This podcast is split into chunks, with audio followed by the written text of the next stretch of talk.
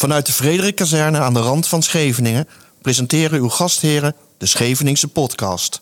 En die gastheren zijn Leendert Polly en Sander Rog. Dit is Prijtjesmakers, de Scheveningse podcast. Gepresenteerd door het Scheveningse toneel. Met uitzondering van deze tune, want die is ingesproken door Danny Verbaan. En dat ben ik.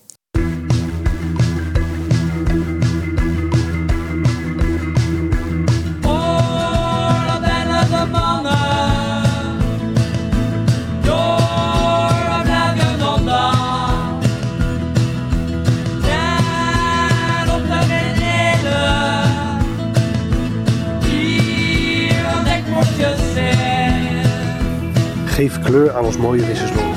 Het dialect blijft de rode draad in het nieuwe seizoen van Prijtjesmakers. Maar er is meer cultureel erfgoed op Scheveningen. In elke aflevering behandelen we een apart thema. In deze aflevering bespreken we de geschiedenis van Scheveningen tijdens de Tweede Wereldoorlog. Hoe vergingen de Scheveningers tijdens deze periode? Wie mochten er blijven in het dorp? De bezetter creëerde de vesting Scheveningen. En wat voor invloed had dit op de visserij? Genoeg te bespreken in aflevering 14 van Prijtjesmakers.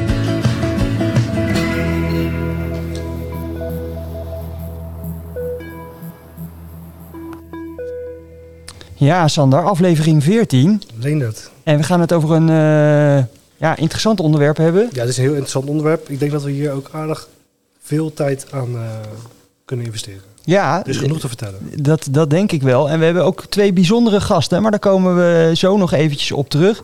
Jij hebt eigenlijk ook al een momentje van de week meegebracht wat met eh, de Tweede Wereldoorlog te maken heeft, volgens mij. Ja, zeker. Ik, ehm, nou, zoals ik al vaker voor mij heb verteld, dat eh, mijn oma eh, in die tijd daar veel over verteld heeft. Voor mijn vorige podcast ook verteld, vorige aflevering. Over het feit dat als ze dan bij elkaar zitten, de twee oma's, en je laat het Scheveningse dialect of de podcast vallen, dan kan je er eh, eigenlijk een recorder naast leggen en dan kun je dat ook uitzenden. Ja. Daar gaat het de hele tijd over. Dus ik ben eh, bij mijn oma geweest. Die is eh, toevallig ook geïnterviewd door een van onze gasten die hier vandaag aan tafel zit. Alleen is dat alweer een tijdje geleden. Ja, ze had een hele mooie uitspraak. Tenminste, ik vind dat een mooie uitspraak. ehm, over de oorlog. Ehm, zij was toen acht jaar oud. Toen de, toen de Duitsers kwamen. En zij woonde in de Bruinbankstraat. Toen zei haar vader tegen, tegen haar, omdat ze een beetje moeite hadden met slapen, van nou ga maar rustig slapen, want de Duitsers zitten op het kozijn. En ja, dat is op dat, op dat moment natuurlijk eigenlijk heel erg spannend. Maar mijn, eh, de vader van mijn oma die stond zeg maar, te kijken over het duin vanuit de Bruinbankstraat. En die zag dan de Duitse parachutisten al landen. En die dacht van ja, weet je, die Duitsers die denken we lopen hier één streep rechtdoor naar Den Haag en we gaan naar de koningin halen. Ja, die was natuurlijk al ondertussen wel in Engeland. Ja. Ja, daar hebben we vandaag, eh, tenminste hebben we vorige keer bij mijn oma denk ik eh, dik anderhalf tot twee uur over gepraat. Jeetje. Over wat ze allemaal heeft meegemaakt. En dan, eh, ja, als je dan hoort hoeveel zij gelopen hebben, wat wij nu zouden zeggen, joh, eh, ja, ik ga nog niet eens op de fiets, ik doe het echt met de auto. Ja. Van Den Haag naar Leiden, van Leiden terug naar Den Haag. En dan vanaf Leiden naar Noord-Holland lopen om dan daar maar je eten te halen. Ja, dat kan je je nou niet meer voorstellen. Nee, dat is een heftige periode. Maar ja, daar gaan we meer over horen van onze eh, gasten. Ik sla het eigenlijk helemaal over, maar we zitten ook op een, eh, een lo- locatie die iets te maken heeft. Misschien wel met de Tweede Wereldoorlog. Ja, zeker. Eh, de Frederik-kazerne. De Frederikazerne. Ja, ja, super mooi dat we hier mogen zitten, toch? Ja, en een van onze gasten gaat daar straks ook wat meer over vertellen. Ehm, maar ik heb geen momentje van de week. Eh, wel een woord. Eh, en dat sluit misschien wel een beetje aan bij, jou, eh, bij jouw eh, verhaal, eh, Mhm. wat jouw oma jou verteld heeft. En dat is het Scheveningse woord eh, kwarrelnacht. Kwarrelnacht. Ja. Heb jij enig idee wat dat betekent? Nou, nee, blijf echt stil aan deze kant. Kwarrelnacht. En ik kan je vertellen, die heb jij denk ik ook wel eens, als ik het zomaar eh inschat. Ja, dat zou misschien een, eh, eh, een erge nacht zijn, of een heftige nacht. Qua Ja, het- slaap. Het staat hier, ja, precies. Het staat hier in het Scheveningse woordenboek. Een nacht waarin eh, de bedrust herhaaldelijk wordt verstoord. Bijvoorbeeld door een ziek kind. ja, dat, is totaal niet. Dus ehm kwarrelnacht. Ja, mooi man. Ja, ik heb dus niet iets wat dan nu aan- aansluit op... eh, nou, dit was per toeval zo Ja, dat dat zo aansloot op jouw verhaal hoor. Maar dat zo, daar was niet op uitgezocht. Nee, ja. Ehm, maar deze kan je misschien nog wel, eh, wel gokken, want we hebben hier ook wel eens eh, met toneel wat over gedaan. Dus negociant. Ja, sterker nog, daar gaat het in het nieuwe stuk over. Dat is wel goed dat jij dat vertelt. Maar dat is volgens mij iemand die vis verkoopt. Ja, dat klopt. Ja. Ja. We hebben er natuurlijk al een stuk over gespeeld. En eh, nou ja, komt alle zou ik zeggen in eh, november. Maar we gaan eh, weinig, we gaan geen reclame maken voor het toneel vandaag. Nee. Ehm, nou, dat waren eigenlijk de woorden. Eh, dan moeten we eigenlijk maar eventjes eh, naar onze eerste gast. Arjen den Dulk, welkom. Goedenavond. Eh, jij hebt er eigenlijk voor gezorgd dat wij op deze schitterende locatie zitten, de Frederik-kazerne. Jazeker. Je bent al eerder te gast bij ons geweest, maar toch, eh, hoe eh, komen wij op deze locatie terecht? Waarom zitten wij hier? Nou, omdat het natuurlijk ehm, het onderwerp de, de Scheveningen in de Tweede Wereldoorlog eh, en dan zo'n locatie met zo'n rijke historie. Ja, wat is er dan mooier om dat in deze periode, wanneer we dit opnemen, in de, in de dagen van 4 en 5 mei, op dat op deze locatie te doen, op een kazerne. Ehm, ja, wat een hele belangrijke rol heeft gespeeld in die Tweede Wereldoorlog, zeg maar, eh, voor Scheveningen. Er is veel gebeurd en daar ga ik straks eh, heel kort eh, wat over vertellen. En Ja, supermooi. ja, Echt supermooi. wat doe jij in het dagelijks leven? Want zo, zo, daarom zitten wij hier. Ja, ik ben, ik ben dagelijks, eh, in het dagelijks leven werk ik eh, eh, voor Defensie eh, bij de Koninklijke Landmachten in de staf. Ehm, eh, eigenlijk gelegerd in Utrecht. Dus eh, ik ben eigenlijk nu lekker, eh, lekker thuis. Ik voel me hier eh, wel, wel goed thuis in deze oude historische panden. Ehm, maar ja, dat is eigenlijk wat ik feitelijk dagdagelijks doe. Dus ik werk voor de Koninklijke Landmacht. En, en daar, eh, zoals het mooi zegt, beschermen we wat ons dierbaar is. Ons duurbaar is, ja. En eh, die Frederik-kazerne, wanneer is die gebouwd? Ja, die Frederik-kazerne is, is eh, de, de start van de bouw van de Frederik-kazerne. Dat dateert al uit eh, 1929, heb ik opgezocht. Ehm, eh, waarbij de, de bekende Nederlandse architect Berlage, zeg maar op zijn voorstel, eh, is toen eh, gestart in 1929. In eh, 1938 is toen uiteindelijk eh, de kazerne in gebruik genomen. En toen waren ze er nog wel mee bezig. Maar goed, het was toen al een beetje in de aanloop van richting eh, de Tweede Wereldoorlog. Ja. Dus, eh, dus dat. En we zitten nu nog in, we kijken om ons heen, maar we zitten nu nog echt in een oud gedeelte. Ja, En daarvoor was de hoofdkazerne, was dat waar nu het nieuwe gebouw staat? Of? Nee, ja, eigenlijk is dit. Wij zitten eh, echt aan de poort. Dus als mensen die herkennen dat wel van, eh, van, van als je over de Van Alkemadelaan rijdt, dan zie je die karakteristieke poort waarop staat Frederik Kazerne. Ja. Daar zitten wij nu naast in die historische panden. Eh, en daartegenover zat onder andere de Alexander Kazerne. Ja. Dus, dus vroeger zaten die, die kazernes echt loodrecht tegenover elkaar. Wat, eh, wat voor functie had het in de Tweede Wereldoorlog, deze kazerne? Of, En daar zat eh, onder andere eh, zat daar, de cava- cavalerie en de artillerie zat daar onder andere gevestigd. Die zaten ook in het centrum van Den Haag, maar zijn uiteindelijk hier aan de rand van Den Haag, dus zeg maar in Scheveningen om het zo maar te zeggen, zijn die toen gevestigd. Ehm, maar als je praat over die Alexanderkazerne, ja, dat heeft ook wel een, een rijke historie. Want in, op 10 mei 1940 is daar een, een, een- deel van de kazerne gebombardeerd. En zijn er maar liefst eh, 66 eh, ehm, huzaren of ja, militairen zeg maar, omgekomen. En ruim eh, 100 paarden. Ehm, eh, omdat daar ook eh, zeg maar, de stallen werden gebombardeerd. En eh, die slachtoffers, het bijzondere, ik wist het eigenlijk helemaal niet. Je weet dat er op de Kerkhoflaan is, daar, is er een militaire begraafplaats. En, en het merendeel van die, van die soldaten zijn daar begraven. Dat wist ik helemaal niet. Maar dat is wel een hele bijzondere ja, historische zeg maar, feit. Dat er dus in die begindagen het bombardement is, is, is geweest. Um, en toen, ja, goed, toen dat, dat, dat veranderde natuurlijk de hele situatie uh, ook in Nederland. En uh, ja, toen kwamen we onder bezetting. Dus de status werd toen, uh, ja, dat was de status quo. Dus ja, dat, de Duitsers namen dat over, om het zo maar te zeggen. En in die, in die dagen na, die, in de maanden na de bezetting, heeft, hebben de Duitsers uiteindelijk opdracht gegeven om die Frederik-kazerne om dat af te bouwen. Dus, dus in, in, in, in 1938 of in 1940 hebben ze toen, hebben ze toen de Frederik-kazerne afgemaakt. En voor onder eigen gebruik. On, on, ja, onder toezicht, ja, onder toezicht in het oog van, van de, de bezetter, bezetter, om het ja, zo maar te zeggen. Ja. Sluit natuurlijk wel mooi aan op uh, waar we mee bezig zijn. Ja. ja, waar we het over gaan hebben. Ja, en nu, uh, als we nu kijken, uh, we praten nu uh, in, in, in 2023 uh, waar we dit opnemen. Uh, de kazerne, die, uh, de Alexander-kazerne was er tot en met 2012. Dat is toen helaas afgestoten, maar op die plek is dus het, het internationaal strafhof terechtgekomen, het ICC. Uh, en het monument van het bombardement waar ik het zojuist over had, dat zit nog daar op die plaats. Dus als je richting het, de hoofdingang loopt, dan zie je een, een soort monumentje staan die daaraan herinnert. Dus, eh, dus op die plaats staat dus nu de, eh, het internationale strafhof. En eh, hier nu op de Frederik-kazerne is nog steeds een actieve kazerne.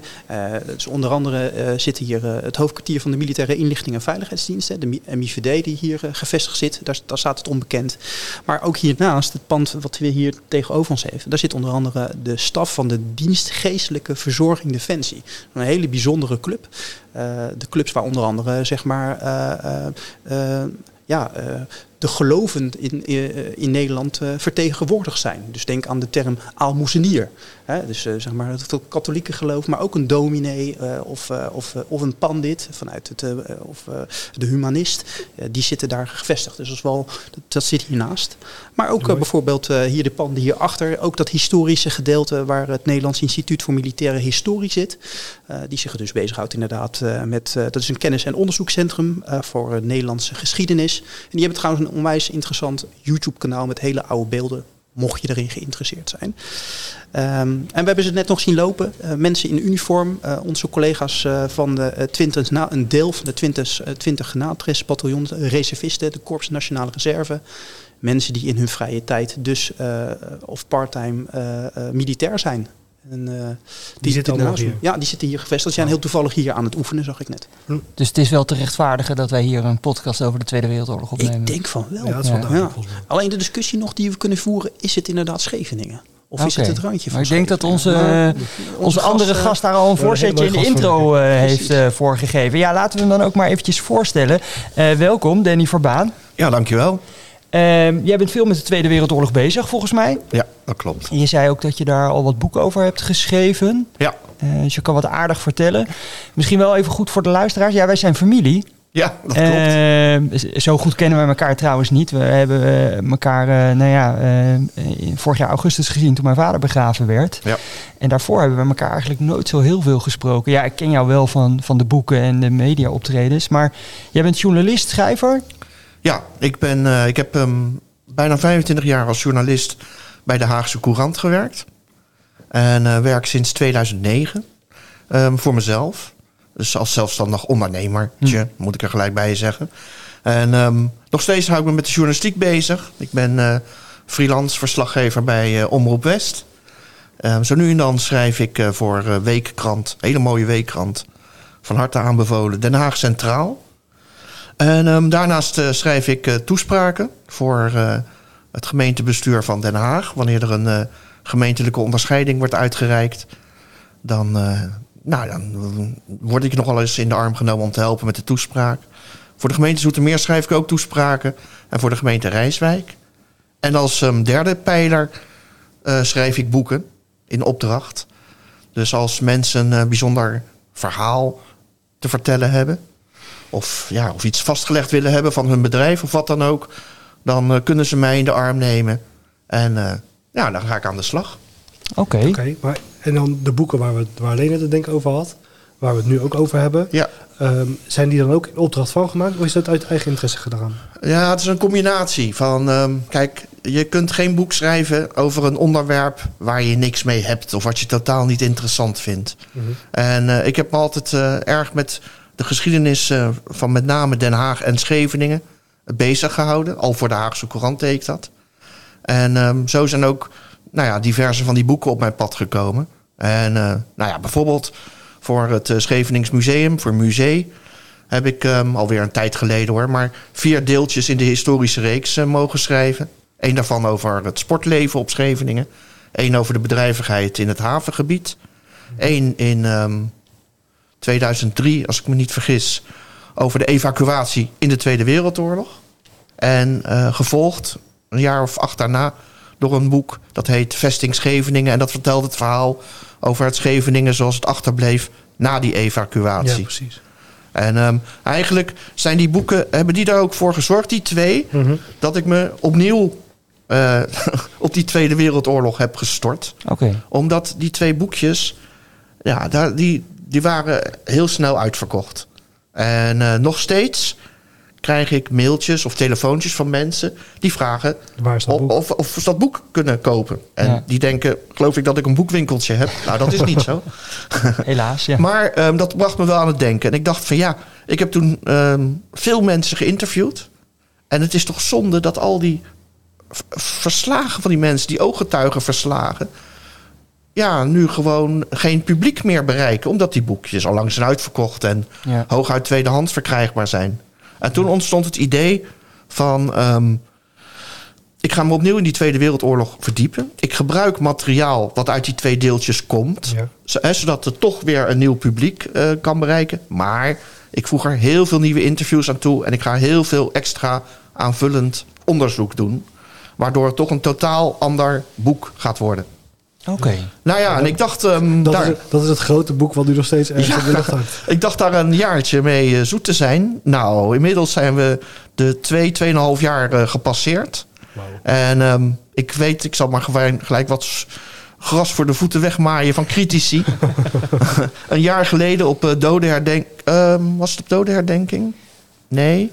Vlak voor dodenherdenking heb ik een eh, lezing verzorgd bij eh Musee. En daar vertelde ik heel stoer van nou, nog een maand of drie En dan komt hij. vier, dan is dat boek daar wel. Nou, we zijn een jaar verder. En nu opnieuw zeg ik, nog een maand of drie, vier, dan komt dat boek. Ja, het is, kijk, het is een enorme studie geworden. En ehm, ik probeer zeg maar de verhalen vast te leggen van de mensen die het nog hebben meegemaakt. Ja, dan word je gebeld door mensen. En die zeiden, ja, je moet mijn moeder eens interviewen of mijn oma of Ja. noem maar op. Dan denk ik, ja, ik kan wel zeggen, de winkel is dicht. Hè, van, eh, ik moet het boek gaan schrijven. Maar tegelijkertijd denk ik, dit is toch een laatste kans Ja, dat we het verhaal van die mensen nog kunnen vastleggen. Ja. Dus dan ga ik daar toch maar weer naartoe met mijn schrijfblok en mijn eh, memo recorder om het op te nemen. En eh, om het te verwerken in dat boek. Nou, ik kan je verzekeren dat het boek heel erg dik gaat worden. Bijna 600 pagina's, denk ik. En, ehm, nou ja, en ik ben nu echt, echt in, in de afrondende fase. Dus ik hoop nou ja, dat het deze zomer, zullen we maar zeggen, verschijnt. Hey, en we kregen al wat, eh, wat vragen van luisteraars. Ja, klopt. Eh, en die vroegen, eh, er was ook een, een vraag bij, inderdaad, precies wat je nu zegt. Wanneer komt het boek uit? Maar de, de, vraag was ook van, hoe ga je dat presenteren? Is dat ook iets met Scheveningen? Of de, heb je daar al over nagedacht? Dat kan me ook voorstellen, het boek moet eerst af en dan gaan we eens nadenken over de presentatie. Ja, nou dat laatste, dat klopt wel. Van het, dat, het boek afmaken heeft nu gewoon absolute prioriteit. Ja. En de invulling, dat, nou ja, daar moet ik nog over nadenken. Maar ik wil natuurlijk in ieder geval iets doen met, eh met Museum Scheveningen. En ik wil ook graag het verhaal aan zoveel mogelijk mensen vertellen. Dus Ja. ehm, na die presentatie komen, wil ik ook een aantal lezingen verzorgen op diverse plekken.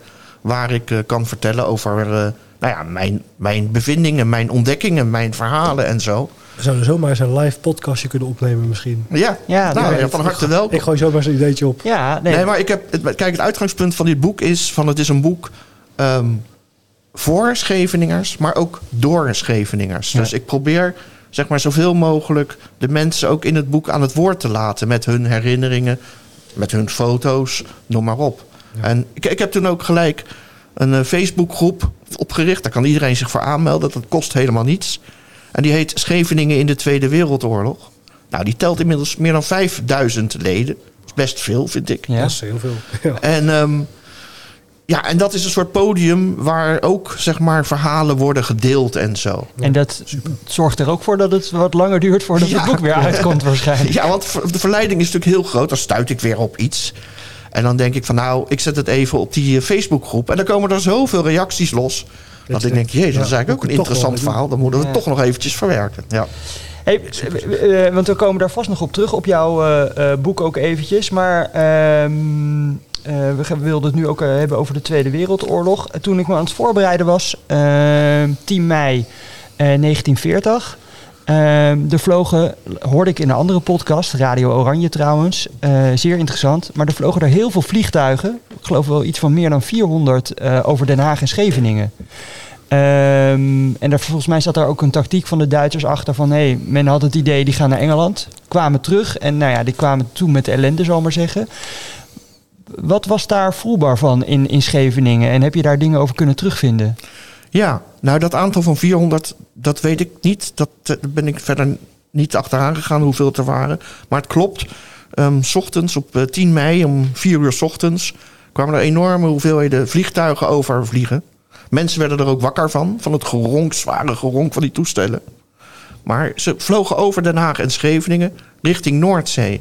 En veel mensen dachten van nou, die gaan inderdaad Engeland bestoken. Maar boven de Noordzee zijn ze zich gaan hergroeperen en hebben ze formaties gevormd. En toen zijn ze, eh, nou wat Arjan net vertelde, onder andere hebben ze kamp Waalsdorp. Dat was ook een legerkamp hier in de duinen. Ja. En ehm, de Alexanderkazerne gebombardeerd. En ehm, ze hebben de, de, de belangrijkste vliegvelden rond Den Haag proberen in te nemen met parachutisten. Dus dat waren Ipenburg, wat nu een woonwijk is. Ehm, Valkenburg, nou, waar alleen nog de musical Soldaat van Oranje eh, eh, voor enige bedrijvigheid zorgt. En Okkenburg, dat was een sportcomplex en daar was een noodvliegveld van gemaakt. Oh. En ehm, nou ja, dat was die aanval. En ik kijk, de, de, de hoofdlijnen van, het, van wat er gebeurd is, is natuurlijk bekend. Maar ik probeer juist voor iets extra's te zorgen.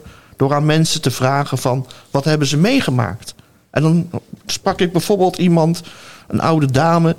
En die herinnerde zich hoe ze wakker werd als meisje. En eh, met haar moeder of met haar ouders naar eh, eh, buiten ging. Ze woonde in de buurt van de Zwolse straat. En toen zei ze van, ehm, daar kwamen mensen naar buiten met een pan in hun handen. En ik vroeg mijn moeder waarom dat was. En wat blijkt? Die mensen namen een pan mee, die zetten ze op hun hoofd als een soort als bescherming, als een soort helm tegen ja, kogels, scherven, noem maar op. Dat is natuurlijk hartstikke mal. Ehm, het heeft voor heel veel, ehm, ook hier vlak voor de kust zijn er ook luchtgevechten geweest. En ehm, nou ja, oude Scheveningers herinneren zich waarschijnlijk wel de oude Nol. Ja. En dat was een, eh, een, een duin waar nu het eh, flatgebouw Lindoduin is. Dat was een hoog duin aan de Westduinweg. En dat was een prachtig uitkijkpunt. Dus heel veel mensen zijn naar die hoge Nol gegaan. Om daar, vanaf daar, Te te kijken naar de luchtgevechten. Dat is natuurlijk bizar. Weet je, alsof je naar een bioscoopfilm zit te kijken. Van, het gebeurt voor je ogen. Het is echt. Ja. Maar het lijkt alsof het een film is. Ja, maar dat is van alle jaren. Want we hadden ehm, vorige week met, eh, met het kuiertje wat we gedaan hebben. Zelfs toen, toen de Spanjaarden met de Engelsen voor onze kust aan het vechten waren, gingen ze op het strand staan kijken Ja. hoe de daar de Spanjaarden aanspoelden. En zeg maar ter plekke werden geëxecuteerd. Nou ja, die en ik, ik, ik vond een oude. Ik heb ook veel gebruik gemaakt van ehm krantenknipsels, eh, dagboeken, brieven, noem maar op. En ik vond onder andere een brief van iemand die schreef zijn herinneringen op en die zei van die stond op die hoge nol en die zei elke keer als er weer een naar beneden kwam, hè, zo'n vliegtuig, dan ging er een gejoel op.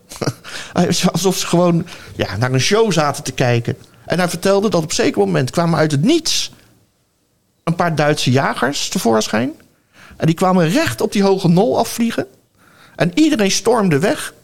En die man die schreef dat die Duitse vliegtuigen die kwamen zo laag... dat hij gewoon recht in het gezicht van die piloot kon kijken. Zo laag.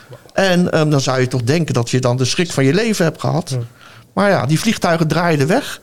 En toen zei hij van... En toen ging iedereen weer op die hoge nol staan. Want ja, je wilde toch niets van dat schouwspel missen natuurlijk. Bizar. Ongelooflijk, Echt, ja. echt heel bizar. Ik kan het niet voorstellen. Ehm, dat zorgt er ook voor dat... ehm, jij noemde net over die parachutisten... waar je Ja. oma over vertelde. Die, kijk, die, ze wilden die luchthavens... eh, die vliegvelden wilden ze innemen. Maar dat ging helemaal mis. Want bij Ipenburg... de bedoeling was...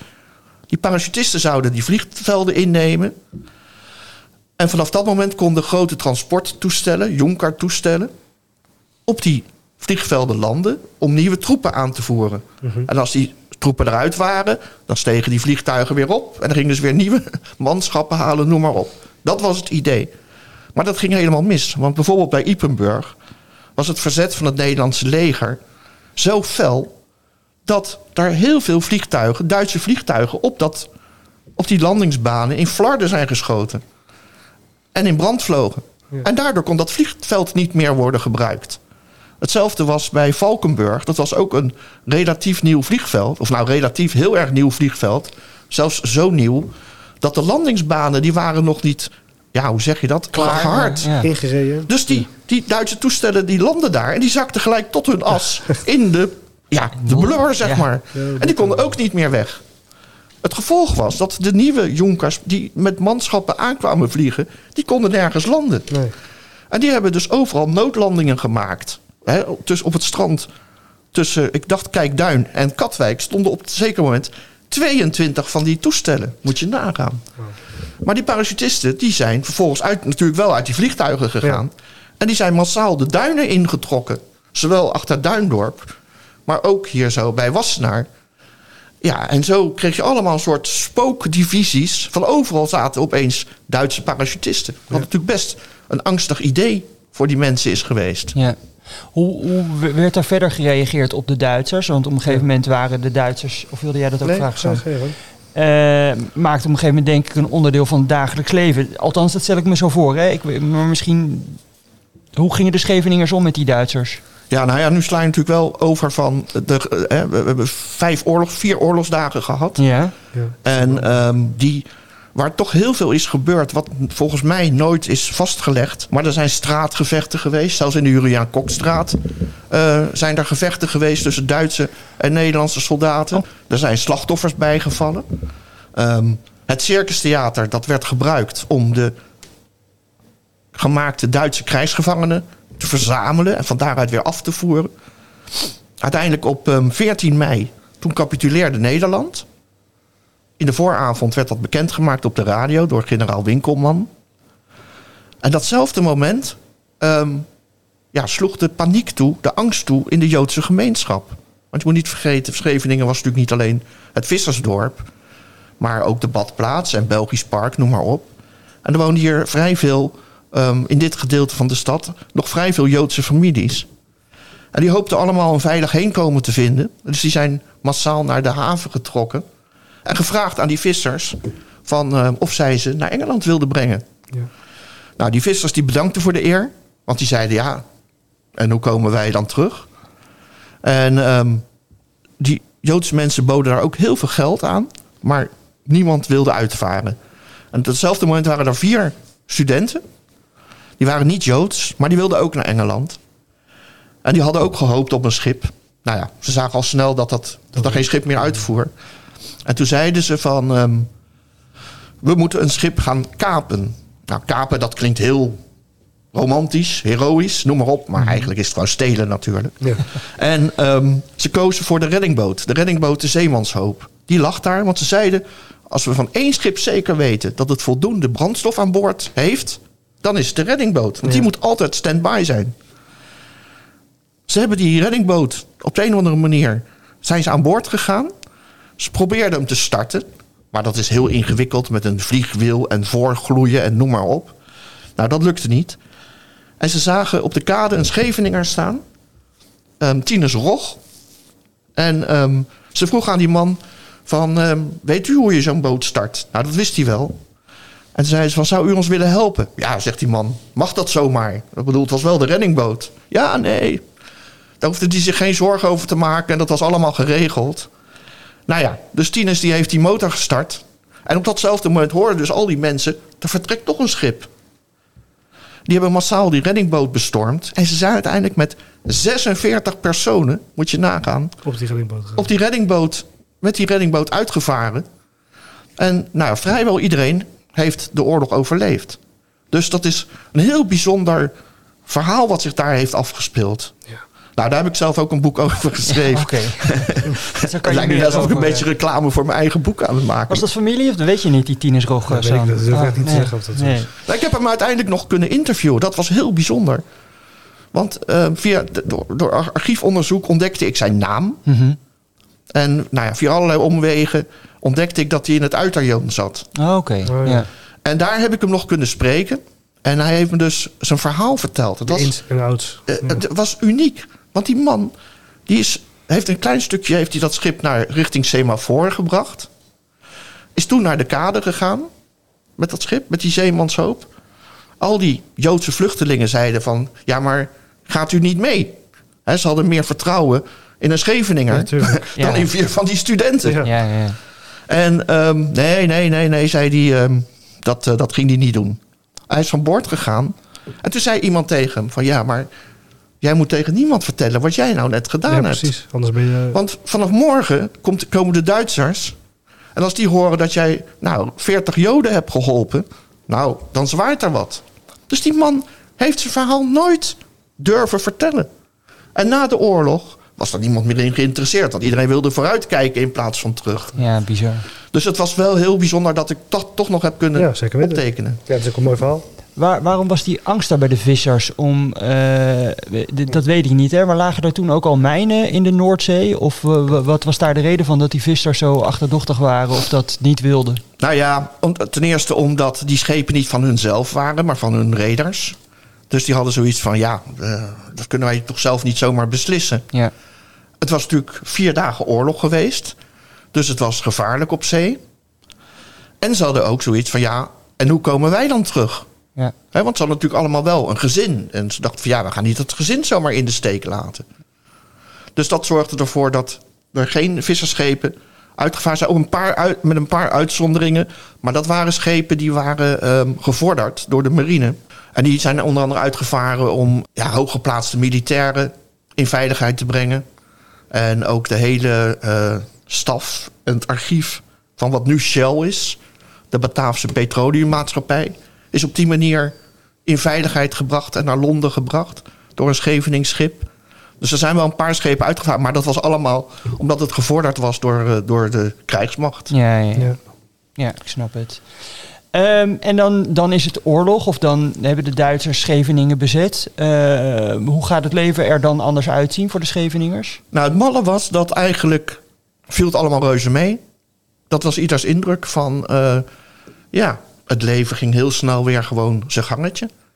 En die Duitse soldaten, dat bleken, nou ja, helemaal geen boelmannen of een nare kerels te zijn. Dat waren gewoon, ja, sympathieke, althans, zo kwamen ze over, jonge kerels.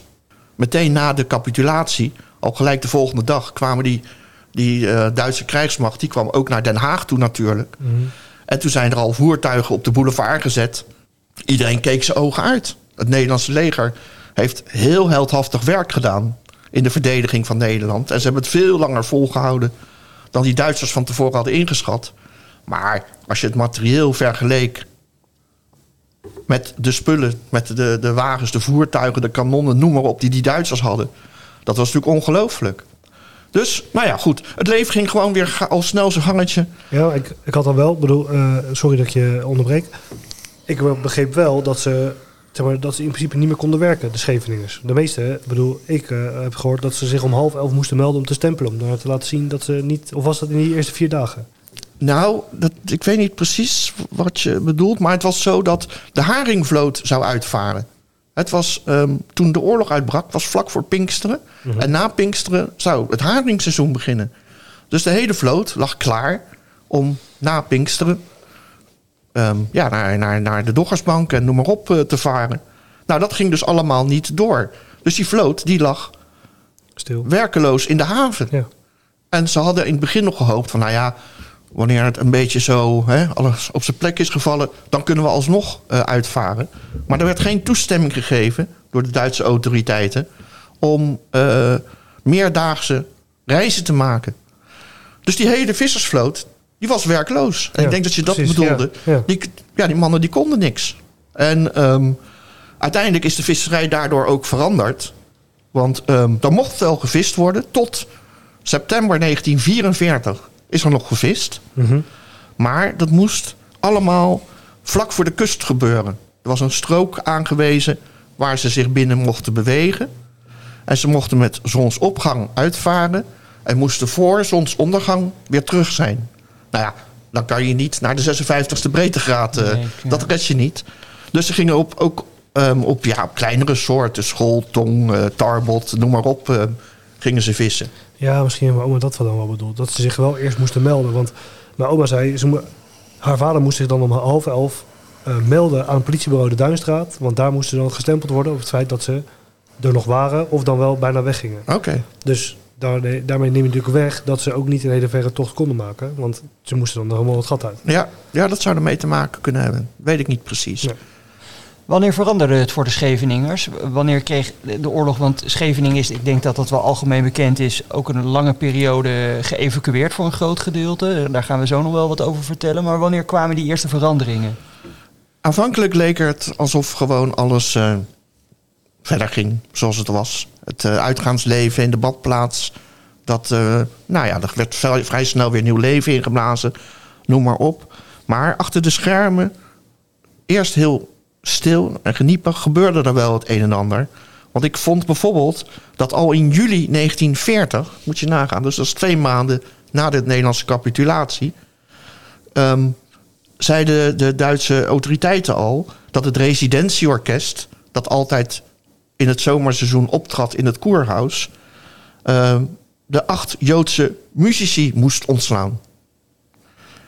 Ehm, de exploitatiemaatschappij Scheveningen, wat toen zeg maar het belangrijkste bedrijf uit de badplaats was, heeft daar protest tegen aangetekend.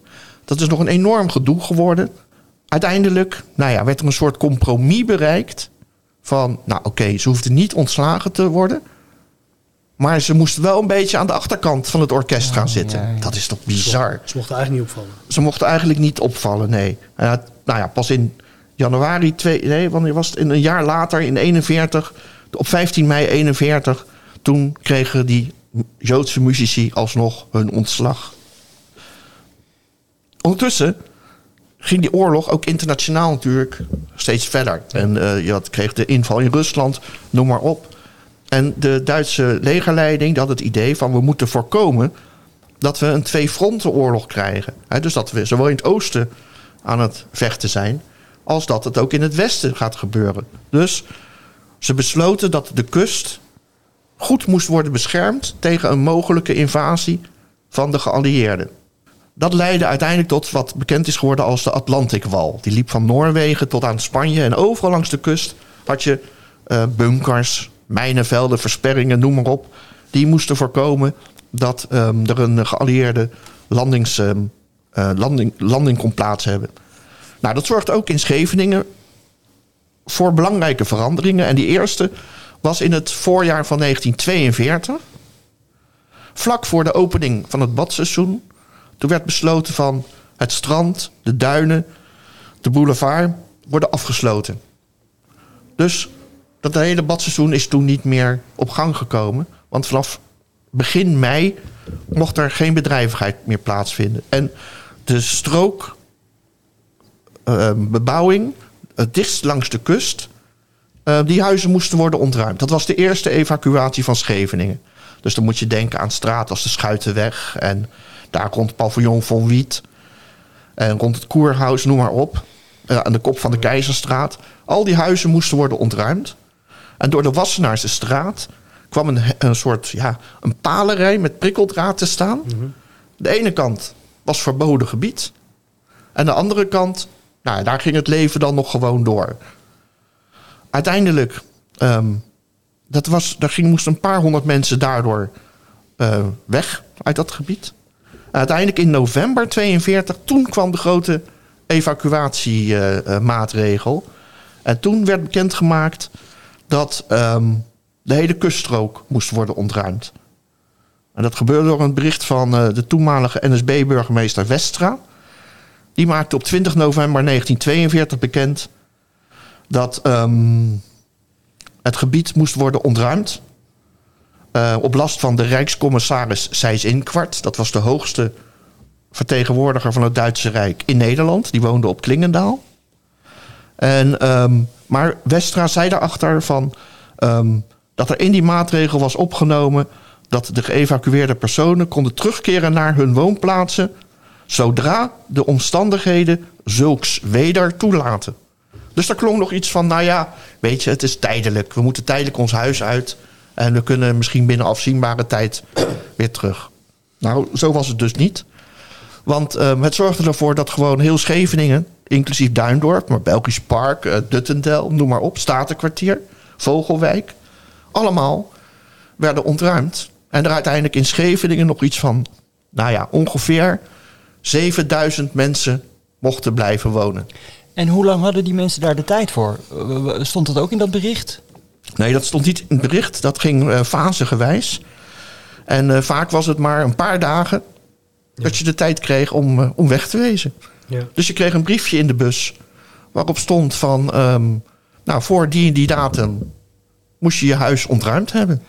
Ja, er waren hele, als ik het goed begrepen heb, hele evacuatiebureaus voor. Ja, er was een hele grote, inderdaad, er was een hele grote afdeling van de gemeente Den Haag. En die moest alles in goede banen proberen te leiden. Ja. Nou, dat is natuurlijk ongelooflijk van ehm, ja, hoe je tienduizenden mensen in één keer moet Ja. gaan zien te verkassen.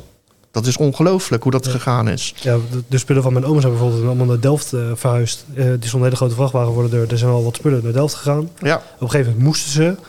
En toen kwam er een vrachtwagen van een glasbedrijf. Daar gingen twee families in, waaronder zij. En toen zijn ze voor de eerste keer naar Leiden gebracht. Toen reden er nog wel vrachtwagens. En ja, ja helemaal eerst, alles was naar Delft gegaan en zij gingen uiteindelijk naar Leiden. En om dit in goede eh, banen te leiden hadden ze bedacht. Dat was, het was allemaal heel erg doordacht. Hè? Het was allemaal heel bureaucratisch. Mhm.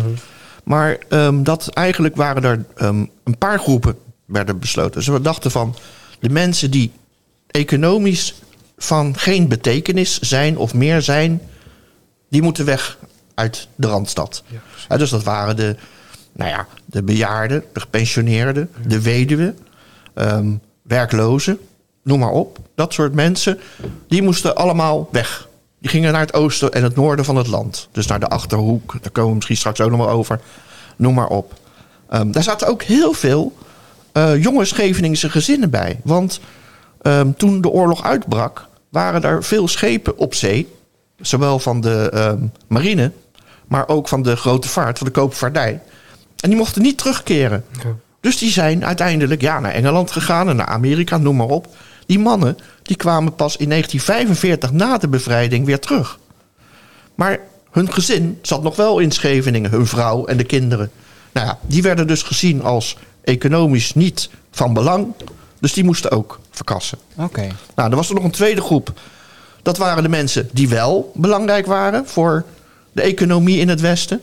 Die moesten weg uit de vesting, dus weg uit de kuststrook. Maar mochten wel in Den Haag, Rijswijk, Voorburg eh, of andere gemeenten, Gouda, blijven. En tenslotte was er een derde groep. Dat waren de mensen die waren belangrijk voor de instandhouding van het vestinggebied. Nou ja, dus dat waren vertegenwoordigers van de politie, de brandweer, de nutsbedrijven, ehm ATM'ers. Want de ATM die bleef ook gewoon nog een tijd lang rijden. Ehm, maar ja, die mensen die moesten ook wel eens naar de dokter. Dus er mochten een aantal artsen blijven. En er mochten een aantal verpleeg, verpleegsters blijven. Ehm, nou, en zo was een soort olievlek die steeds breder werd. Want die mensen moesten ook hun boodschappen doen. Ja. Dus mochten er ook een paar kruideniers blijven en een paar bakkers en een paar melkboeren. Nou, en zo, je had ehm, niet te vergeten voor de ehm, voedselvoorziening. Ja. Mochten eh, bepaalde mensen blijven. Dus mensen die in de visserij werkten, mochten blijven. Ehm, de bemanning van de reddingboot. Je had een luchtbeschermingsdienst. Ja, nee, mocht ook allemaal blijven. De vader van mijn oma bijgezet. En ehm, nou, een kapper. Mensen moesten wel hun haar kunnen laten knippen. Een boekhandel. Een slijter. Zelfs een slijter in de Badhuisstraat. Mocht gewoon open blijven. Omdat hij toch van betekenis was. Voor, eh, ja, voor de bewoners. Overgebleven bewoners van de vesting. Ik las in jouw boekje, wat ik, eh, in jouw boek, eh, wat ik heel typisch vond, is dat al die Scheveningers die geëvacueerd worden, volgens mij noem je dat die eerste fase, dat die dat allemaal met een gelatendheid, Ja. die Scheveningers, hè, dat viel die directeur op van dat evacuatiebureau, dat die Scheveningers dat toch allemaal maar voor lief namen en dat eigenlijk zonder te klagen, Ja, het rare is dat, ehm, dat heeft mij ook verbaasd. Van, ehm, dat iedereen het eigenlijk eh, gedaan heeft. En nou ja, er zijn wel veel brieven gestuurd. Van mensen die zeiden van ja, maar eh, ik ben belangrijk voor. Ik kan niet weg, want vanwege mijn werk moet ik hier blijven. Er zijn heel veel verzoekschriften geweest van, eh, van mensen die vroegen of ze niet hoefden te evacueren. Nou ja, en dan kreeg er ook een stempeltje op van wel of niet. Ehm, maar over het algemeen. En ik heb ook aan diverse mensen gevraagd: van hoe kan dat nou? Hoe kan het nou dat jullie niet hebben geprotesteerd? En dan werd er gezegd: van ja, maar je had geen keus. En die Duitsers hadden toen al de reputatie van als jij niet deed wat zij wilden, nou dan zwaaide er wat, hè? gevangenisstraf of wat dan ook. Dus ze waren ook bang.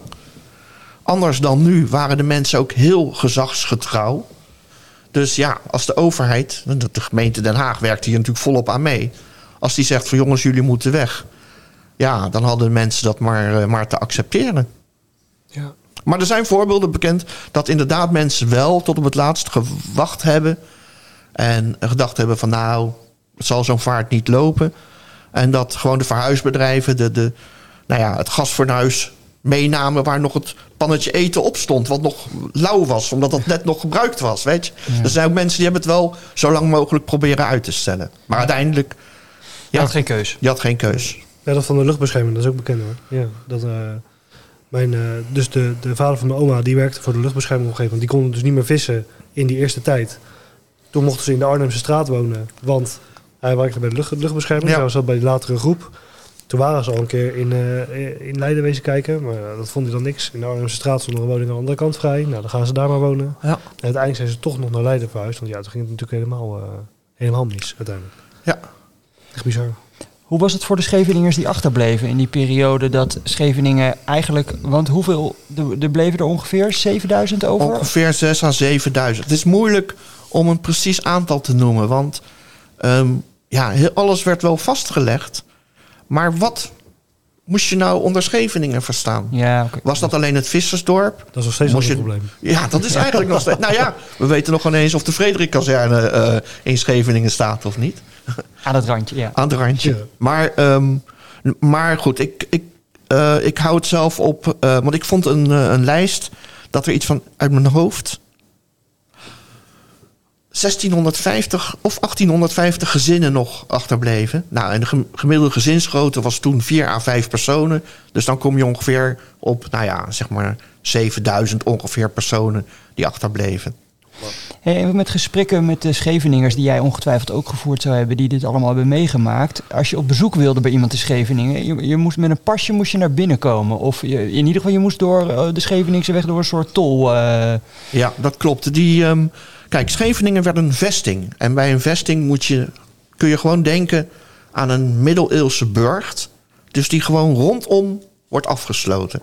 Dus langs de kust had je de bunkers en de mijnenvelden en de versperringen, noem maar op. Maar die Duitsers die wilden voorkomen dat die Atlantikwal ook in de rug kon worden aangevallen.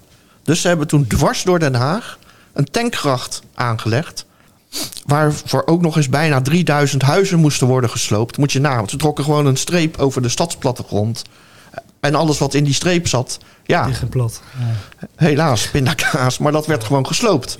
En het was niet alleen die gracht, maar rond die gracht moest ook schootsveld zijn voor die kanonnen. Nou, dus je had aan de, dat- de strook langs de kust en dan de strook, zeg maar, eh, eh, dwars door de stad. En wat nu de, eh, bijvoorbeeld de Johan de Witlaan is en de Kennedylaan en de Sportlaan, noem maar op. Dat zijn hele brede doorgaande wegen. Maar dat, daar liep de tankgracht. Ze hebben na de oorlog hebben ze gewoon die tankgracht dichtgegooid. En dat, ja, daar was toch al ruimte in de, in de stad. En daar hebben ze die wegen aangelegd. Dus nou, zo kun je zien hoe die tankgracht liep, wat het tracé daarvan was. En die kon je dus compleet afsluiten. Want het idee was, als er hier een aanval op de kust zou komen, dan werd die vesting hermetisch afgesloten. Dus er mocht niemand meer in en uit. En ehm, daardoor hadden ze doorgangsposten gemaakt van dat alleen die bewoners of de mensen die daar nog werkten naar binnen mochten. En je had één doorgangs, de bekendste was op de Scheveningse weg bij, ehm, nou ja, bij zeg maar het Shell-station, hè, bij het Promenadehotel. Dat was een hele belangrijke en voor Scheveningen de, de, de belangrijkste eh, doorgangspost. En mensen hadden een pasje waarop stond dat ze daar naar binnen mochten. En dat moesten ze daar laten zien. En ehm, ja, maar ook daar zijn rare dingen gebeurd. Want kijk, in die oorlog. Misschien een van de angstige dingen in die oorlog was dat je nooit wist ehm, met wie je te maken had. Je had soldaten, die interesseerde het allemaal niet zoveel. En dat waren ook maar ja, jongens die moesten voor hun nummer opkomen. En die hebben ook mensen geholpen met houthakken, noem maar op. Maar je had ook echt hele fanatieken ertussen zitten. Ik sprak een man, jaren geleden. En die zei dat hij als jongetje had gezien hoe bij die doorgangspost op de Scheveningse weg... op een zeker moment een paard en wagen komt. En dat die wagen die raakt in het zand. Dus er was geen beweging meer in te krijgen. En daar stond een SS'er en die riep van eh, opschieten, opschieten met die wagen. Ja, eh, hoe doe je dat als zo'n wagen helemaal vast zit in het zand? En die SS'er die geeft ja, in zijn drift met zijn wapen een klap op dat paard. En die voerman, die had zoiets van: ja, wacht even, als je aan mijn paard komt. Dus vanuit een reflex pakt hij zijn zweep. En die geeft die SS'er een klap met die zweep.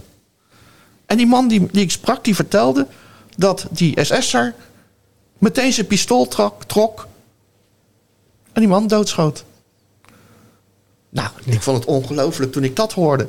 Ik dacht, nou, dat kan ik me gewoon niet voorstellen dat dat zo is gebeurd. En het geheugen is natuurlijk niet, eh, niet feilloos, maar verdraaid. Uiteindelijk in een archief van de, van de politie heb ik het tot op de datum nauwkeurig kunnen vinden wat zich daar heeft afgespeeld. Daar stond natuurlijk niet die geschiedenis wat, wat die man vertelde. Hè, daar stond dat er een voerman van Van Gent en Loos uit de Schilderswijk eh, was omgekomen. Ja. Maar het is, was dus echt gebeurd. Ja. En dat was dus ook het enge. Ook in andere situaties, dat je nooit wist van hoe fanatiek eh, die Duitsers waren. Ik heb ook een voorbeeld gevonden van ehm, december 1944. Toen ehm, vond ik opeens eh, iemand, ook in een overzicht van de politie, een Scheveninger, die was in het havengebied doodgeschoten door de Duitse schildwacht. En toen dacht ik van, wat zou daar gebeurd zijn? En toen kwam die Facebookgroep Scheveningen in de Tweede Wereldoorlog van pas. Want daar heb ik het gemeld. Ja, en dan zie je toch hoe die verhalen in de familie wel, de families wel blijven leven.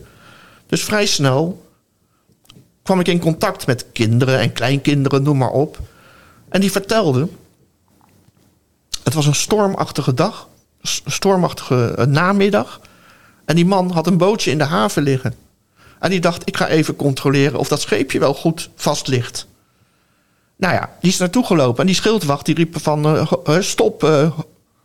En, ehm, nou ja, en die man die heeft het of niet gehoord. Want het was natuurlijk stormachtig weer. Of hij heeft gedacht, ja, wat wij misschien ook wel zouden doen. Van, ik doe net alsof ik niks hoor en dan, eh, dan kan ik doorlopen. Alleen ja, in dit geval trokken ze hun geweer. En ze schoten gewoon in koele bloeden dood. Dat is toch ongelooflijk? Ja, dat is zeker ongelooflijk. Alleen ja, je kan het je nu niet voorstellen. Alleen in die tijd, ja. Nou ja, helaas gebeurt het niet zo heel ver hier vandaan. eh, dit soort tafereelen ben ik bang. Nee, dat is ook zo. Ja, Nou ja, er zijn natuurlijk ook veel mensen echt geëvacueerd. Ja. En ehm, met name die, die groep, die enorme groep die naar het oosten van het land is gegaan. Dat is ook wel heel interessant. Die, ehm, kijk, de, de Scheveningse kerken, de Ja. gereformeerde en de hervormde kerk. De katholieke kerk was niet zo... eh, Er waren niet zoveel katholieken in Scheveningen. Maar die maar wel heel veel hervormde en gereformeerde natuurlijk. En die, ehm, ja, die hebben geprobeerd om zeg maar de, hun gemeenteleden zoveel mogelijk bij elkaar te houden. Want die dachten, ja, die mensen moeten toch een beetje geholpen en een beetje begeleid worden. En die kregen voor elkaar dat ehm, naar Aalten en Winterswijk, dat zijn dan de bekendste plekken, ehm, in beide gevallen ongeveer sche- 600 personen zijn gegaan. Naar Winterswijk de hervormde en naar Aalten de gereformeerde. ja, die kan je ook niet samen stoppen. Dat moet je ook niet doen natuurlijk. Toen niet in ieder geval. En, ehm, maar goed, er zijn ook heel veel plaatsen en heel veel dorpen in op de Veluwe en in de Achterhoek en in Groningen en noem maar op geweest. Waar ook heel veel Scheveningers eh, terecht zijn gekomen. Toevallig was ik twee weken geleden in, ehm, in de buurt van Rijssen. En ehm, nou ja, en toen dacht ik van ja, ik moet voor mijn boek nog een paar foto's hebben. En, ehm, en je hebt daar het Rijsens Museum of zoiets. Ik weet niet meer precies. En eh, we zijn er gewoon naar binnen gelopen. En ik heb gevraagd aan die mevrouw daar achter de kassa van... ja, ik eh, wil graag iets vragen over eh, Scheveningers die hier in de oorlog hebben gezeten.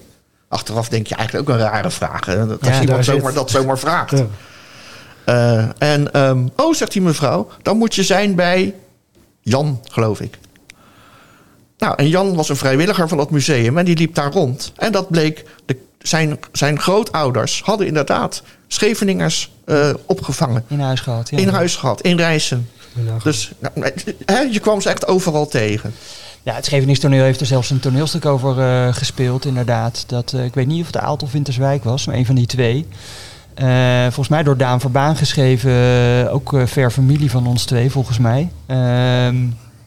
Ja, dus dit is een bekende geschiedenis. Maar ook daar in dat museum, volgens mij, in Aalten, dat er ook verwezen wordt eh, naar de Scheveningers die er eh, destijds toen waren, ja, inderdaad. Ja, in Aalten heb je het Onderduikmuseum. En als luisteraars denken van wat zal ik eens gaan doen, dan ehm, kan ik dat van harte aanbevelen. Want het is een hartstikke leuk eh, en interessant museum. Waar ook waar ten eerste heel veel aandacht wordt besteed aan wat zich daar heeft afgespeeld in de Tweede Wereldoorlog. Maar ook dat Scheveningse aspect komt daar volop voor. Omdat Ja. gewoon heel veel Scheveningers daar, eh, daar hebben gezeten. Ik las ook in een van je boeken die je voor het museum had geschreven. Er zijn een aantal Scheveningers daar ook gebleven. Ja, dat klopt. Die, ehm, ja, die hadden zoiets Ja, van... na de oorlog, hè?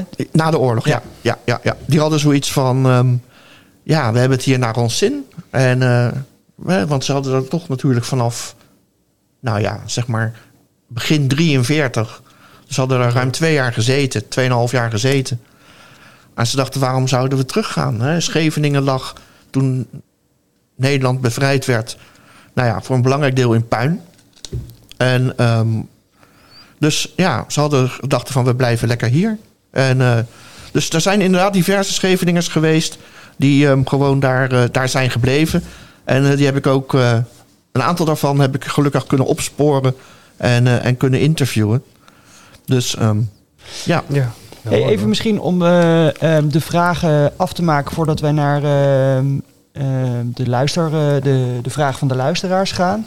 Eh, die laatste jaren, want dan komt daar ook echt een hongerwinter, denk ik, eh, ook op Scheveningen. Wat er denk ik in de rest van Nederland ook was.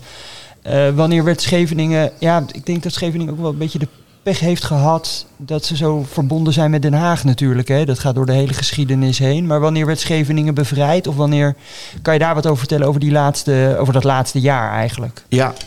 Ehm, nou, ik, ik doelde daar zojuist op. Van, ik zei al van eh, Scheveningen lag bij de bevrijding min of meer in puin. Mhm. Nou, dat had diverse oorzaken. Eh, Een hele malle is eigenlijk dat in, ik weet niet meer uit mijn hoofd, ik dacht in de zomer van 1944 besloten de, de Duitse autoriteiten om alle straatstenen uit de niet doorgaande straten te halen. Dus die, al die stenen zijn eruit gehaald, uit de weg. Hè. De trottoirs bleven wel intact, maar de stenen uit de weg zijn eruit gehaald. En die zijn gebruikt voor de aanleg van landingsbanen, van vliegvelden. Ze zijn gebruikt voor de paden in de duinen. En iemand liet me ook een foto zien van hè, die, die bunkers in de duinen. Die zijn allemaal met onderaardse gangen aan elkaar verbonden. En ehm, ja, dan moet je, als je daar eens doorheen loopt... bij excursies is dat soms mogelijk... dan blijken dus gewoon die wanden van die tunnels... helemaal bekleed te zijn Met klinkers. met klinkers. En dat waren de klinkers, nou onder andere uit Scheveningen. Maar dat zorgde ervoor dat het hier gewoon een soort woestenij letterlijk werd. Enorme zandvlaktes, waarbij je ook nog eens moest oppassen... of je niet geen zandvlooien mee naar huis nam... want die zaten er ook allemaal in dat zand. Tegelijkertijd, je kreeg een tekort aan alles, ook aan brandstof. Dus die leegstaande huizen, ja, die werden natuurlijk min of meer eh, gesloopt. Van eh, de, de deuren werden eruit gehaald om, ja, om te kunnen stoken. De kozijnen, de trappen. Ongelooflijk hoe die huizen helemaal gestript zijn. We kunnen ons dat niet voorstellen dat je zoiets doet. Maar ja, als de nood zo hoog is, als je geen, geen brandstof hebt, terwijl het winter is, ja, dan ga je natuurlijk op zoek naar huis. Dus heel veel huizen die waren ook nog eens bouwvallig. Wat we ook niet moeten vergeten is dat vanaf september 1944 kwamen de Duitsers met de V2, een raket van eh, 14 meter hoogte. Daar zijn er heel veel vanuit het vestinggebied afgeschoten. Dat waren raketten die, ehm, ja, die werden naar eh, Engeland gedirigeerd, ook naar Antwerpen, maar vanuit Scheveningen met name naar Engeland. Maar die dingen, daar ging het nogal eens bij mis. Dus die stegen op en dan gingen ze haperen. En dan gingen ze als een soort dronkenmansvlucht gingen ze dan maken. En die konden dan, ja, ergens neerstorten.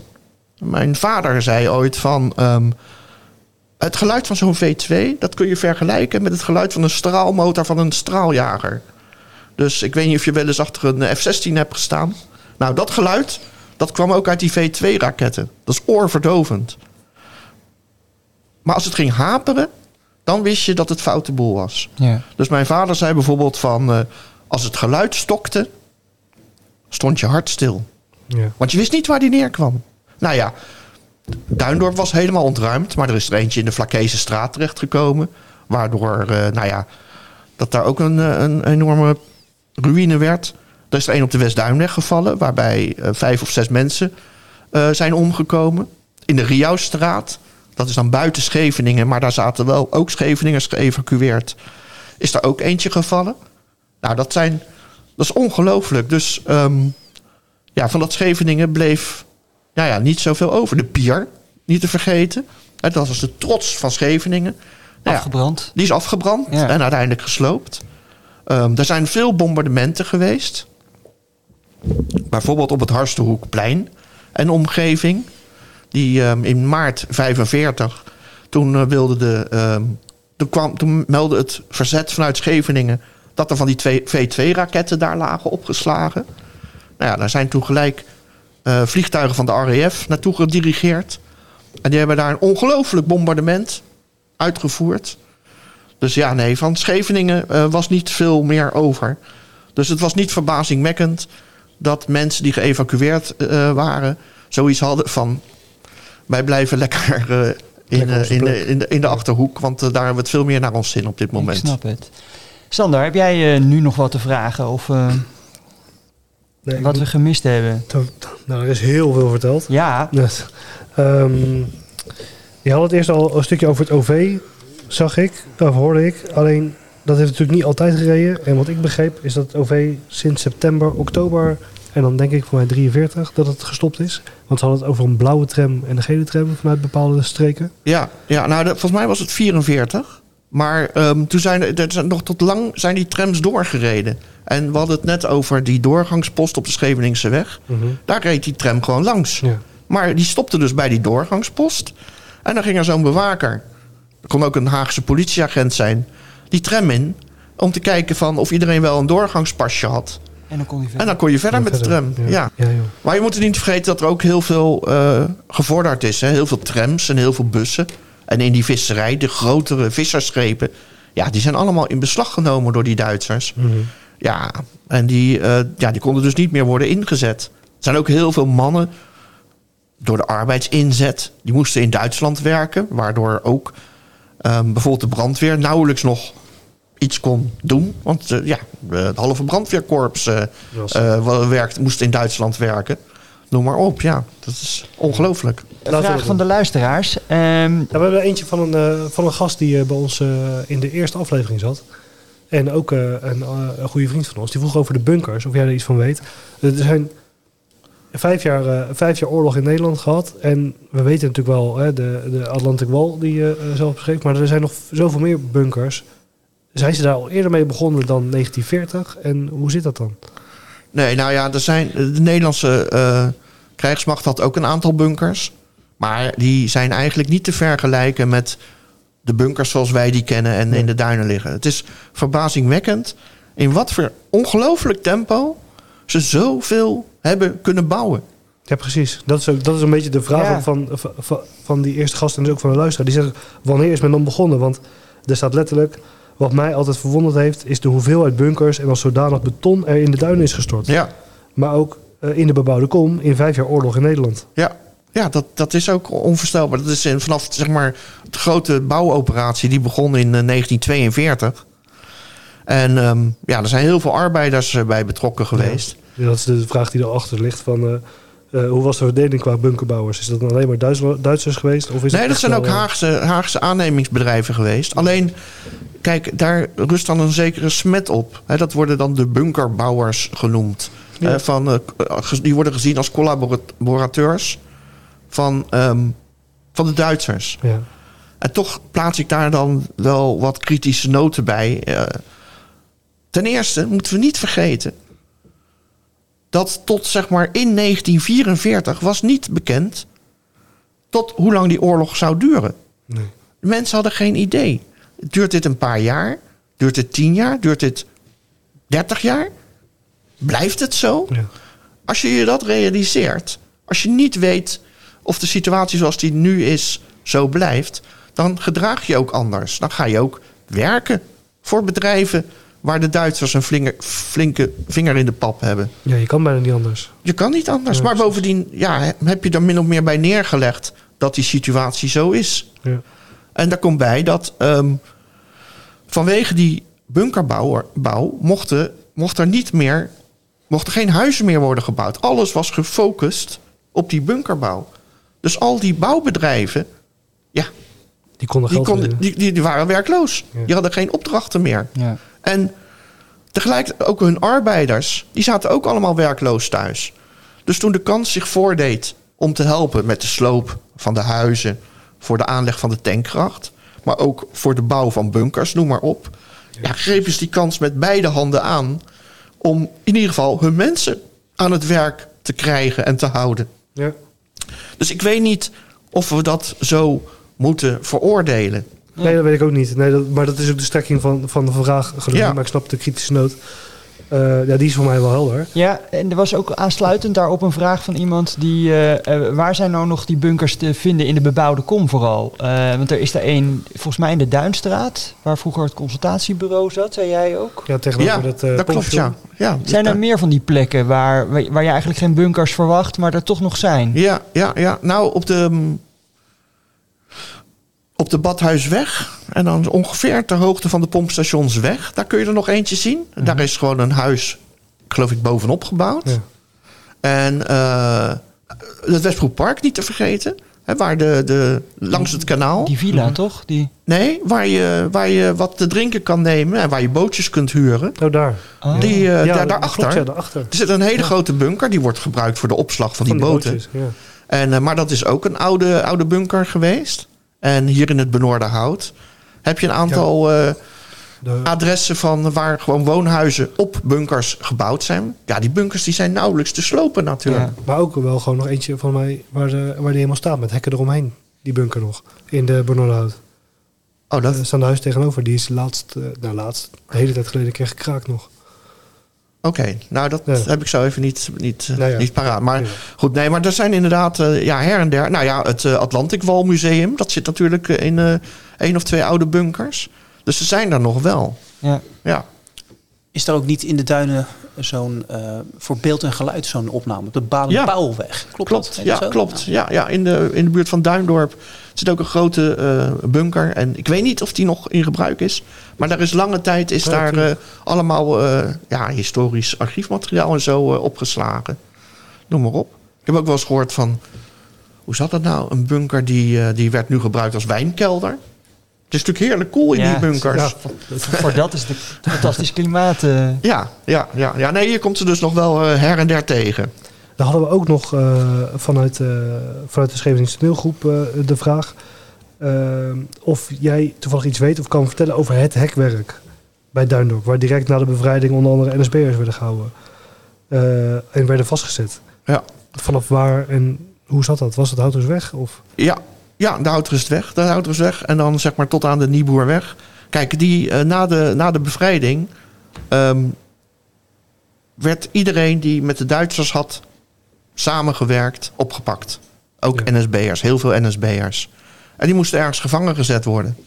En ehm, nou, tijdens de evacuatie in 1943 is heel Duindorp ontruimd. Dus je had, en Duindorp ligt natuurlijk ja, zo'n soort geïsoleerd eiland. ja. Dus dat was helemaal leeg. En toen ontstond het idee van. ehm, en, en het was ja, helemaal verwaarloosd. Er waren heel veel huizen waren gestript. Was het hout uitge. En die, die, die schade van die V2. En toen ontstond het idee van: weet je wat? We maken daar een gevangenkamp van voor NSB'ers. En er zat ook nog een kleine groep SS'ers daar opgesloten. En ehm, nou, als een soort straf en als een soort tijdsbesteding moeten ze gewoon die wijk opknappen. En zo hebben we, een, zoals het modern heet, een win-win situatie. Die mensen zitten gevangen. En tegelijkertijd wordt die wijk weer opgeknapt. Nou, het zorgde ervoor dat ehm, ja, de Duindorpers die terug wilden, die konden dus niet terug. Want het was opeens een gevangenkamp eh, geworden.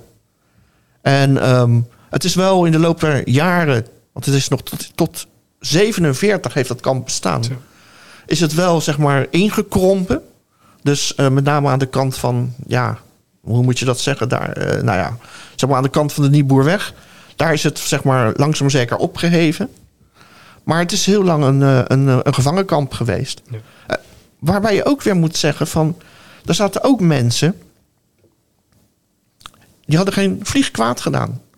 Die waren lid geweest van de NSB. Maar ja, dat wil niet zeggen dat je oorlogsmisdaden hebt begaan. of zo. Er waren ook mensen gewoon van de, om pragmatische redenen lid geworden van de NSB. Die hebben verder nooit mensen verraden of andere kwaad gedaan.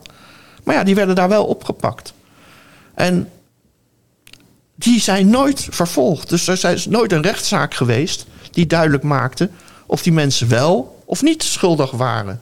Moet je nagaan, dan hebben de mensen daar dus twee jaar gevangen gezeten zonder rechtszaak. Ja, Dus bizar. dat is, en daar zijn ook een- diverse keren is daar een opstand geweest. Want op een gegeven moment, ja, kijk, de slechterikken, daar, daar, wil ik, daar heb ik natuurlijk geen goed woord voor over. Maar er zaten ook mensen, ja, die, die hadden helemaal niet zoveel op hun kerfstok. Maar die zaten daar wel eh, twee jaar vast. ja. En die gingen zich op een gegeven moment verzetten natuurlijk. Van ja, maar ik wil naar mijn gezin, naar mijn Ja, vrouw. en er is een verhaal bekend van dat op een gegeven moment... klauterde er zo'n gevangene op het dak van een van de huizen langs de Houtrustweg. En de familie stond dan gewoon aan de overkant van het kanaal... dus bij de Kranenburgweg... om naar vader te zwaaien. Nou, Ja, dat is natuurlijk heel triest. Ja. En toen was er een bewaker. En die heeft daar wat van gezegd. Van, hé, hey, hey, eh, naar beneden komen. En eh, nou, die man die kwam niet snel genoeg naar beneden. En die is gewoon van dat dak geschoten. Door een Nederlandse bewaker. Ja. Dus dat is ook niet... Dat zit ook nog wel... Ja, ik besteed wel aandacht in mijn boek aan eh, Kamp Duindorp. Mhm. Maar dat, is, dat blijft ook wel een ongelooflijk Een verhaal... wat zich daar heeft afgespeeld. situatie. Na de oorlog dan dat het, ja. ja. Hadden wij nog andere Ehm, vragen van luisteraars? Ik had nog een vraag van eh, Maria van Oosten. Die eh, volgt ons op eh, Instagram. Die vroeg zich af of daar ook eh, de bekende bordjes voor Joden verboden ook op Scheveningen hingen. Ja, zeker. En of die dan, eh, of je toevallig weet, of die overal hingen. Of, Ja, nou ja, in principe bij, eh, bij, eh, bij, alle, hoor- bij het Westbroek Parking is ze bij alle parken, plantsoenen en alle horecagelegenheden. precies. Gewoon, ja, gewoon echt, ja. en dat is, dat is, ik herinner me van, ehm, gelukkig hebben mensen mij volop geholpen met ook met foto's sturen en met verhalen vertellen, noem maar op. Mhm. En een man stuurde een foto en die zei: Misschien heb je hier wat aan. En ehm, ik keek met een eh, schuin oog daarnaar. En het was zeg maar eh, de boulevard. Ehm, nou, net voorbij het koerhuis. Ne- eh, net voor het koerhuis, vanaf het dorp gerekend. En ik zag sneeuw en zo. Ik dacht, nou, een leuke, leuke sneeuwfoto. En ik ga hem later wel beter bekijken. En toen ik hem eenmaal beter bekeek, toen schrok ik eigenlijk zelfs een beetje. Want zelfs op de boulevard stond een bord voor Joden verboden. Nou, dat is toch onvoorstelbaar dat dat soort dingen gebeurden. En ik weet ook van, ehm, ik, ik, besteed, ik besteed ook vrij veel aandacht aan ehm, de Joodse geschiedenis.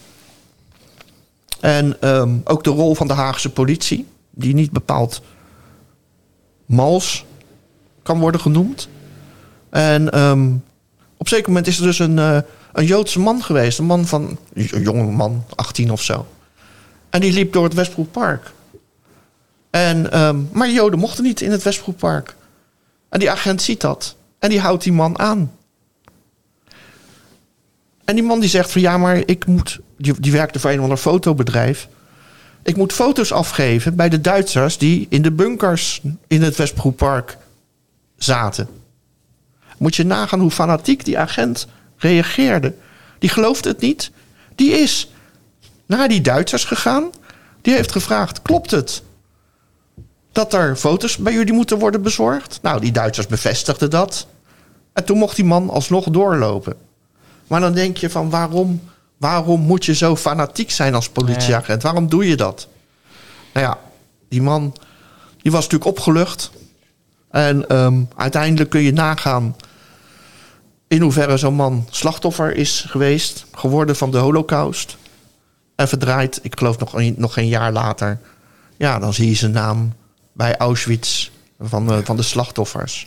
Het is onvoorstelbaar van eh, ja, die dingen die zich dan daar hebben afgespeeld. Ja, Ja, dat is bizarre tijd. Ik weet ook van een verhaal van een eh, mevrouw die zat. eh, die was Joods. En die was met haar niet-Joodse man een kopje koffie gaan drinken in de Haagse binnenstad in het Gouden Hoofd. Maar Joden werden niet toegelaten. Die mochten niet naar binnen. En een collega van die man, die wist dat die vrouw Joods was. dat die vrouw Joods was. En die is naar de politie gestapt. En die heeft gezegd Ja. van... eh, ja, eh, die mevrouw mag je helemaal niet zijn. Die vrouw is opgepakt. En die vrouw die dacht... van, Ja, ik drink hier alleen maar een kopje koffie, meer niet. Maar eh, nee, ze, Ze, is, ze moest mee naar het politiebureau en eh, ze is verhoord en noem maar op. Het zijn ongelofelijke verhalen. Ja, Bizar. heel bizar. Dus eh, nee, dat, die is eh, beantwoord ook. eh. Ja. En dan hebben we nog eentje, diegene is ons net pas gaan volgen, maar die vroeg meer informatie over de ontruiming van Scheveningen van 1942. Maar daar hebben we het volgens net uitgebreid Ja. over gehad. ja. Dus voordat we, dat hele, voordat we dat hele interessante verhaal nog een keer helemaal gaan doen, laten we dat niet doen. Want dan, eh, dan zijn we nog langer bezig. ik- Heb jij ik- nog een... eh, Ar, heb jij nog iets inderdaad? Nou, heel toevallig zie ik in mijn aantekeningen staan dat eh, wij eigenlijk hier bijna niet hadden gezeten. Omdat eh, een V2 net buiten de poort van de Frederik-kazerne was neergekomen net na het opstijgen. Dus dat is nog een ongelukje geweest. Dus dat zie ik heel toevallig staan. Dus eh, gelukkig is dat niet gebeurd. Maar ehm, eh, heel interessant, Danny. Ik zit echt aan je lippen. hang, ik- ik hang aan je lippen.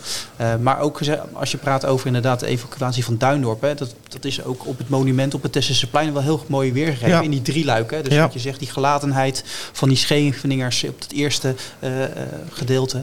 Eh, en, en, en dan zo weer dat, dat, dat eh, na de oorlog weer, eh, eh, dat ze dan weer terugkomen, gesterkt. Hè. Dat, dat, is, dat wordt daar in die drie luik mooi weergegeven. Het is best wel wat historie, zeg maar. Het Schevenings dialect, daardoor is Ja. deze podcast ooit Oh ja. ontstaan. Ehm, weet je wat voor invloed het dialect eh, na de oorlog, of heeft de oorlog invloed gehad op het Schevenings dialect? Heb jij daar in je boek, heb je daar iets van onderzocht of van meegekregen? Nee, nee, nee, dat dan- is nou jammer. nee, dan Nou, ik heb dat- die vragen dan aan mijn oma gesteld. ah, En die zei, ehm, eh, goed even goed opzoeken. Maar die zei eigenlijk van ja, Scheveningen werd gebroken door de oorlog. En dat blijkt wel uit de evacuatie over het feit van waar iedereen naartoe ging. Nou, ik hoorde net al het, eh, het noorden en het oosten. Nou, mijn oma zat dan op een gegeven moment gewoon in Leiden. Dat is dan niet zo heel ver hier vandaan. Maar het werd daar niet, ja, niet geaccepteerd. Of het werd daar sowieso niet verstaan, daar waar ze naartoe gingen. Ja. Dus eigenlijk werd er al heel snel, en dit klinkt oneerbiedig, maar het werd eigenlijk een soort van uitgeramd. Want ja, eh, ze moesten daar ook op een gegeven moment werken. En dan, als je dan, eh, mijn oma gaf het voorbeeld, daar waar wij kwamen we allemaal stadse mensen. Ja. Die verstonden ons gewoon niet. Dus als je daar aan het werk moest bij, bij, zo- bij zo'n gezin, dan moest je verstaanbaar maken. Dus kon je beter Schevenings eh, links laten liggen. ja, dat is, dat is wel, dat is inderdaad van als je nagaat in Winterswijk en Aalten, daar spreken ze dus ook dialect. Ja. Nou, daar verstaan wij denk ik niet zoveel van. Tenminste, het oorspronkelijke dialect. En dat zorgde voor enorme spraakverwarring.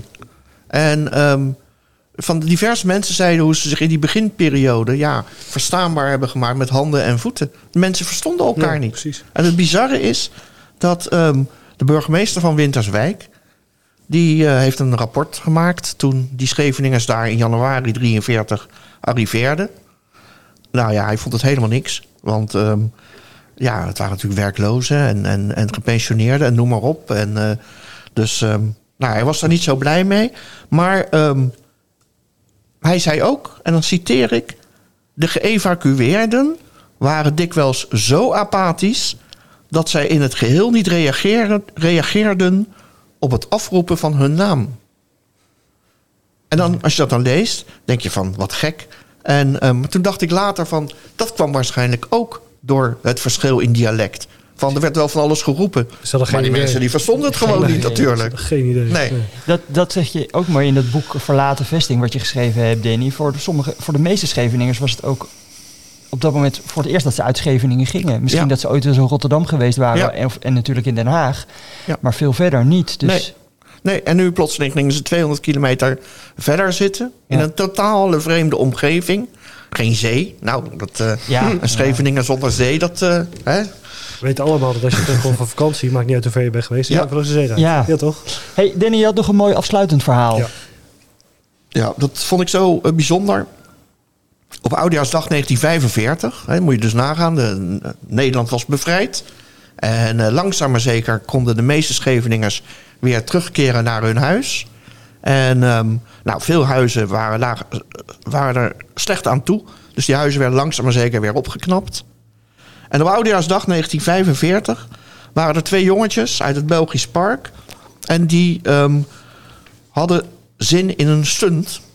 En die hadden gezien dat in die bunkers hier in de duinen nog heel veel munitie lag opgeslagen. En die wilden een qua jongensstreek uithalen. Dus die hebben een eh, bunker genomen en helemaal volgestouwd met munitie die ze overal vonden. Nou, de deur dicht. En dan vanaf die deur een spoor gemaakt met kruid. En ehm, zelf achter een duintje zijn ze zich schuil gaan houden. En ze hebben dat kruid aangestoken. En ze dachten, een mooie knal. En eh, leuk, ja, gewoon een qua jongensstreek zonder verder kwade bedoelingen. Nou, die jongens die kregen de schrik van hun leven. Want het, daar die bunker lag zodanig vol met munitie... dat die complete bunker die kwam ongeveer los van de grond. Wow. De lucht kleurde zwart. En er was een enorme krater van, ik weet niet hoeveel meter diep geslagen. Maar het gevolg was ook dat door die enorme knal... Waar lagen alle ruiten in dat gedeelte van Scheveningen en het benoorde hout er weer uit. Dus al die mensen die hadden eindelijk hun boeltje weer een beetje op orde. En dan zo'n klap en al die ramen lagen eruit. Nou, hij schrok zich natuurlijk wild. En eh, hij kwam thuis en toen zei zijn moeder zoiets van... Jeetje, wat ben ik blij dat ik jou zie. Want heb je gehoord wat er gebeurd is? Nou, die jongen die durfde het niet te zeggen. En het mooie is, in 1995... Ik werkte toen bij de Haagse Courant. Toen meldde de receptie dat er iemand bij de balie stond.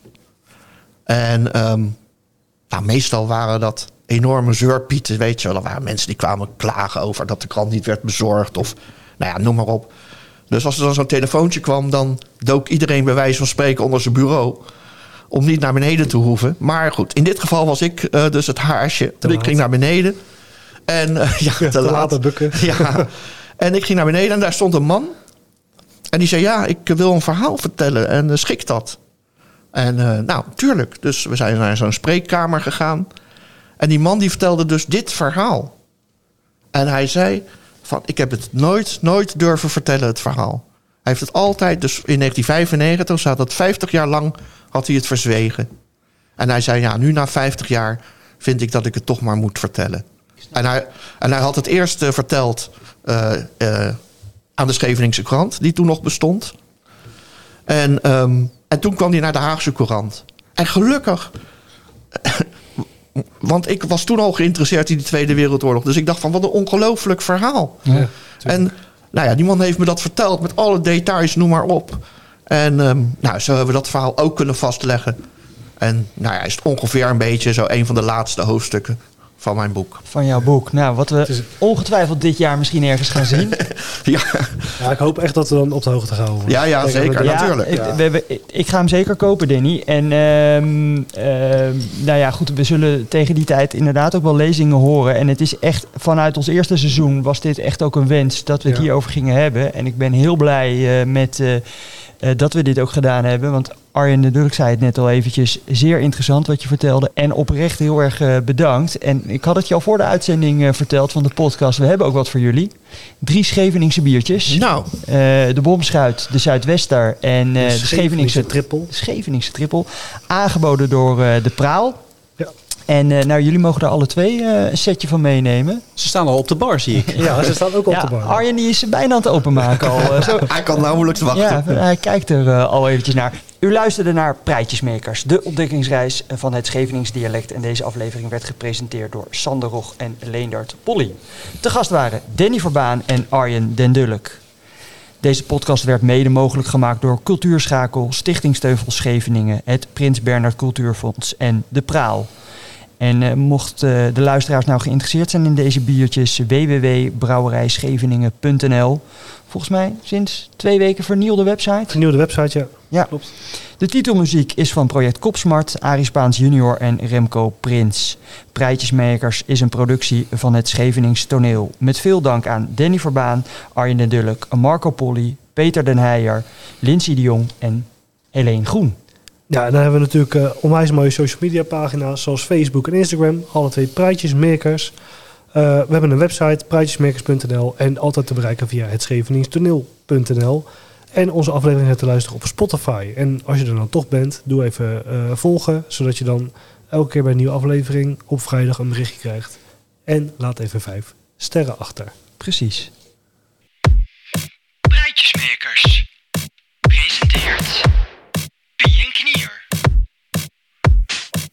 Wat was het een zaggers op Scheveningen in die oorlogsjaren, Pie.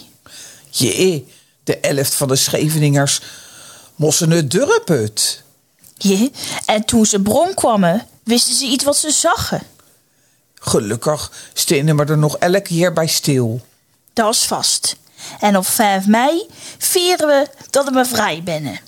Jee, ik heb lekker een oranje tompoes genomen met mijn bakje. En smiddags neem mijn nopje een oranje bittertje. Is dat alles? Ik heb lekker steenossen op een festival. Zo van links naar rechts van de snollebolletjes. De wie zei je?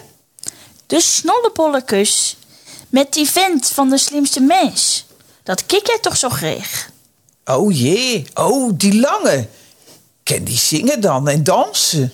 Nou jee, dansen, dansen. We gingen gewoon van links naar rechts. Het was hartstikke leuk. Nou jee, fijn voor je. Maar eh, ik heb nog een oranje, oranje bittertje stin. Zullen we een glijsje nemen? Oh, lekker Pie. Doe maar. Prut. Prut. Op, Op onze, onze, vrijheid. vrijheid.